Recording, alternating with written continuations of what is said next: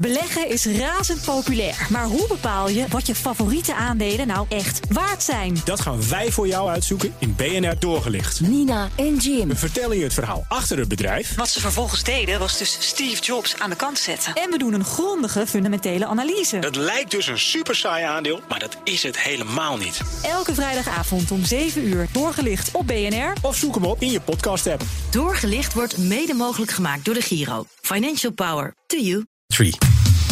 Effectgoeroes.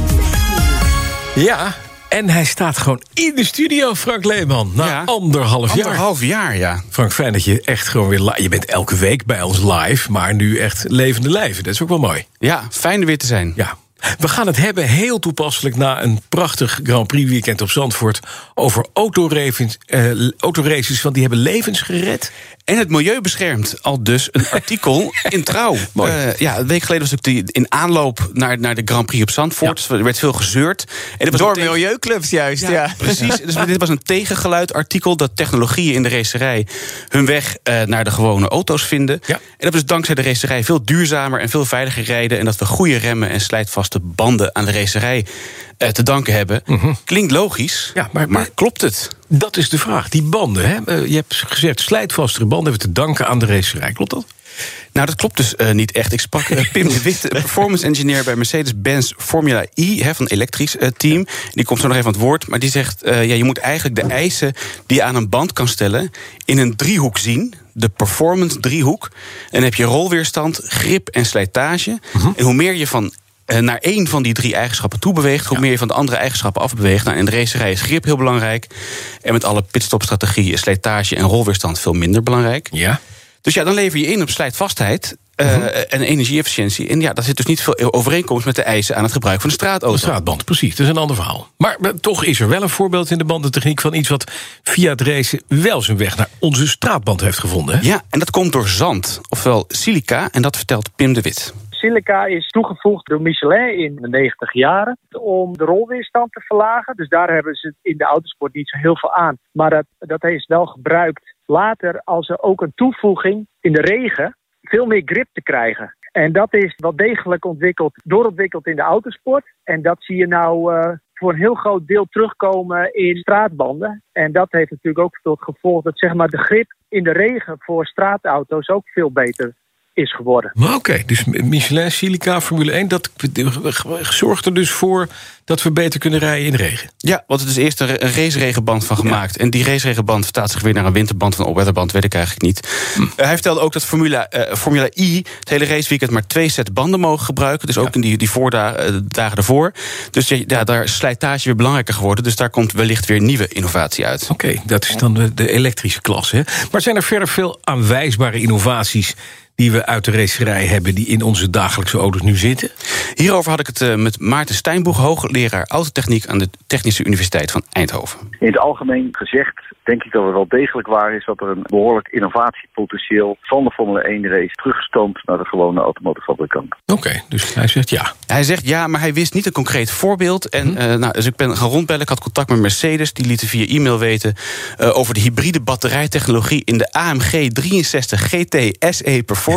Ja. Die op basis is van de F1-techniek. Oké, dus precies, de hybride techniek. Maar dat is een hele dure auto. Die kost eh, anderhalve ton plus.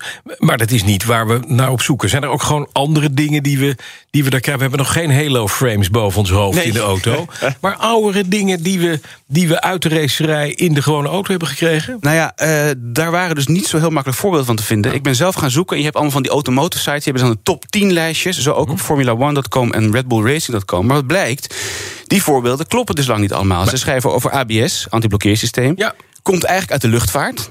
Zat in 1908 al op vliegtuigen. En 1960 speciaal elektrisch gemaakt voor de Concorde. En, en, en door Mercedes voor, ontwikkeld voor de auto. Ja, precies. Zat in 1970 ook al standaard op auto's. Schijfremmen schrijft Red Bull. Dat dankzij de 24 uur van Le Mans schijfremmen in 1980 standaard werden. Is niet waar. Die dingen komen ook uit de luchtvaart en treinen. En trouwens, de Citroën DS. Had al schijfremmen. Ja, precies standaard. De Turbo. Schrijf, eh, schreven ze ook op die website. Nou, Ja. bestond al eind 1800, ook veel in de luchtvaart gebruikt.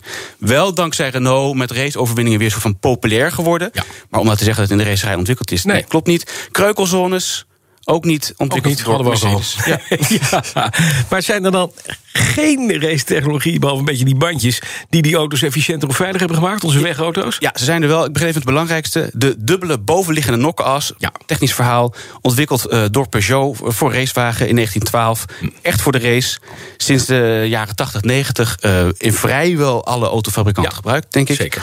Eh, een milieuvriendelijk voorbeeld is het, het CARES, het Kinetic Energy Recovery System. Een systeem dat remenergie kan opvangen in een soort vliegwiel. Ja. Eh, komt echt helemaal uit de F1 en wordt nu in Ierland gebruikt in bussen. Eh, En daarmee besparen ze 30% CO2. Mhm. Ja. En de binnenspiegel is zo'n verhaal. Ja. Eh, de oudste foto van een auto met een binnenspiegel is een raceauto. Een, een IndyCar race, echt waar. Dus vermoedelijk, en die man, het, verhaal gaat er ook dat hij dat van paard en wagen heeft afgekeken. En dat op die manier de overstekende auto heeft gemaakt. Kijk, spiegel komt uit de racerij. Mooi. Ja, nou, Dus dat zijn, maar dus het zijn niet veel voorbeelden. Maar goed, het- er zijn er wel er zijn al een paar vast hele technische, diep in de autotechniek. Maar Oké. Maar nu gaan we even nog de uitspraak van Trouw even langs de lat leggen. Want eh, eh, hebben we inderdaad het milieu bespaard en levens gered... dankzij technologie ontwikkeld in de F1 die onze straatauto's zijn gekomen? Nou, het is denk ik een Ehm, beetje te kort door de Tarzanbocht. eh, om te, ja, daar is die. Ja, om te zeggen dat veiligheid en efficiëntie echt helemaal te danken zijn aan de racerij. Dat is denk ik niet waar. Maar goed, de racerij speelt zeker wel een rol.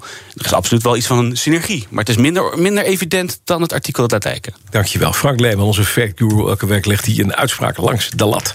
Beleggen is razend populair. Maar hoe bepaal je wat je favoriete aandelen nou echt waard zijn? Dat gaan wij voor jou uitzoeken in BNR Doorgelicht. Nina en Jim. We vertellen je het verhaal achter het bedrijf. Wat ze vervolgens deden was dus Steve Jobs aan de kant zetten. En we doen een grondige fundamentele analyse. Het lijkt dus een super saai aandeel, maar dat is het helemaal niet. Elke vrijdagavond om 7 uur. Doorgelicht op BNR. Of zoek hem op in je podcast-app. Doorgelicht wordt mede mogelijk gemaakt door de Giro. Financial Power to you.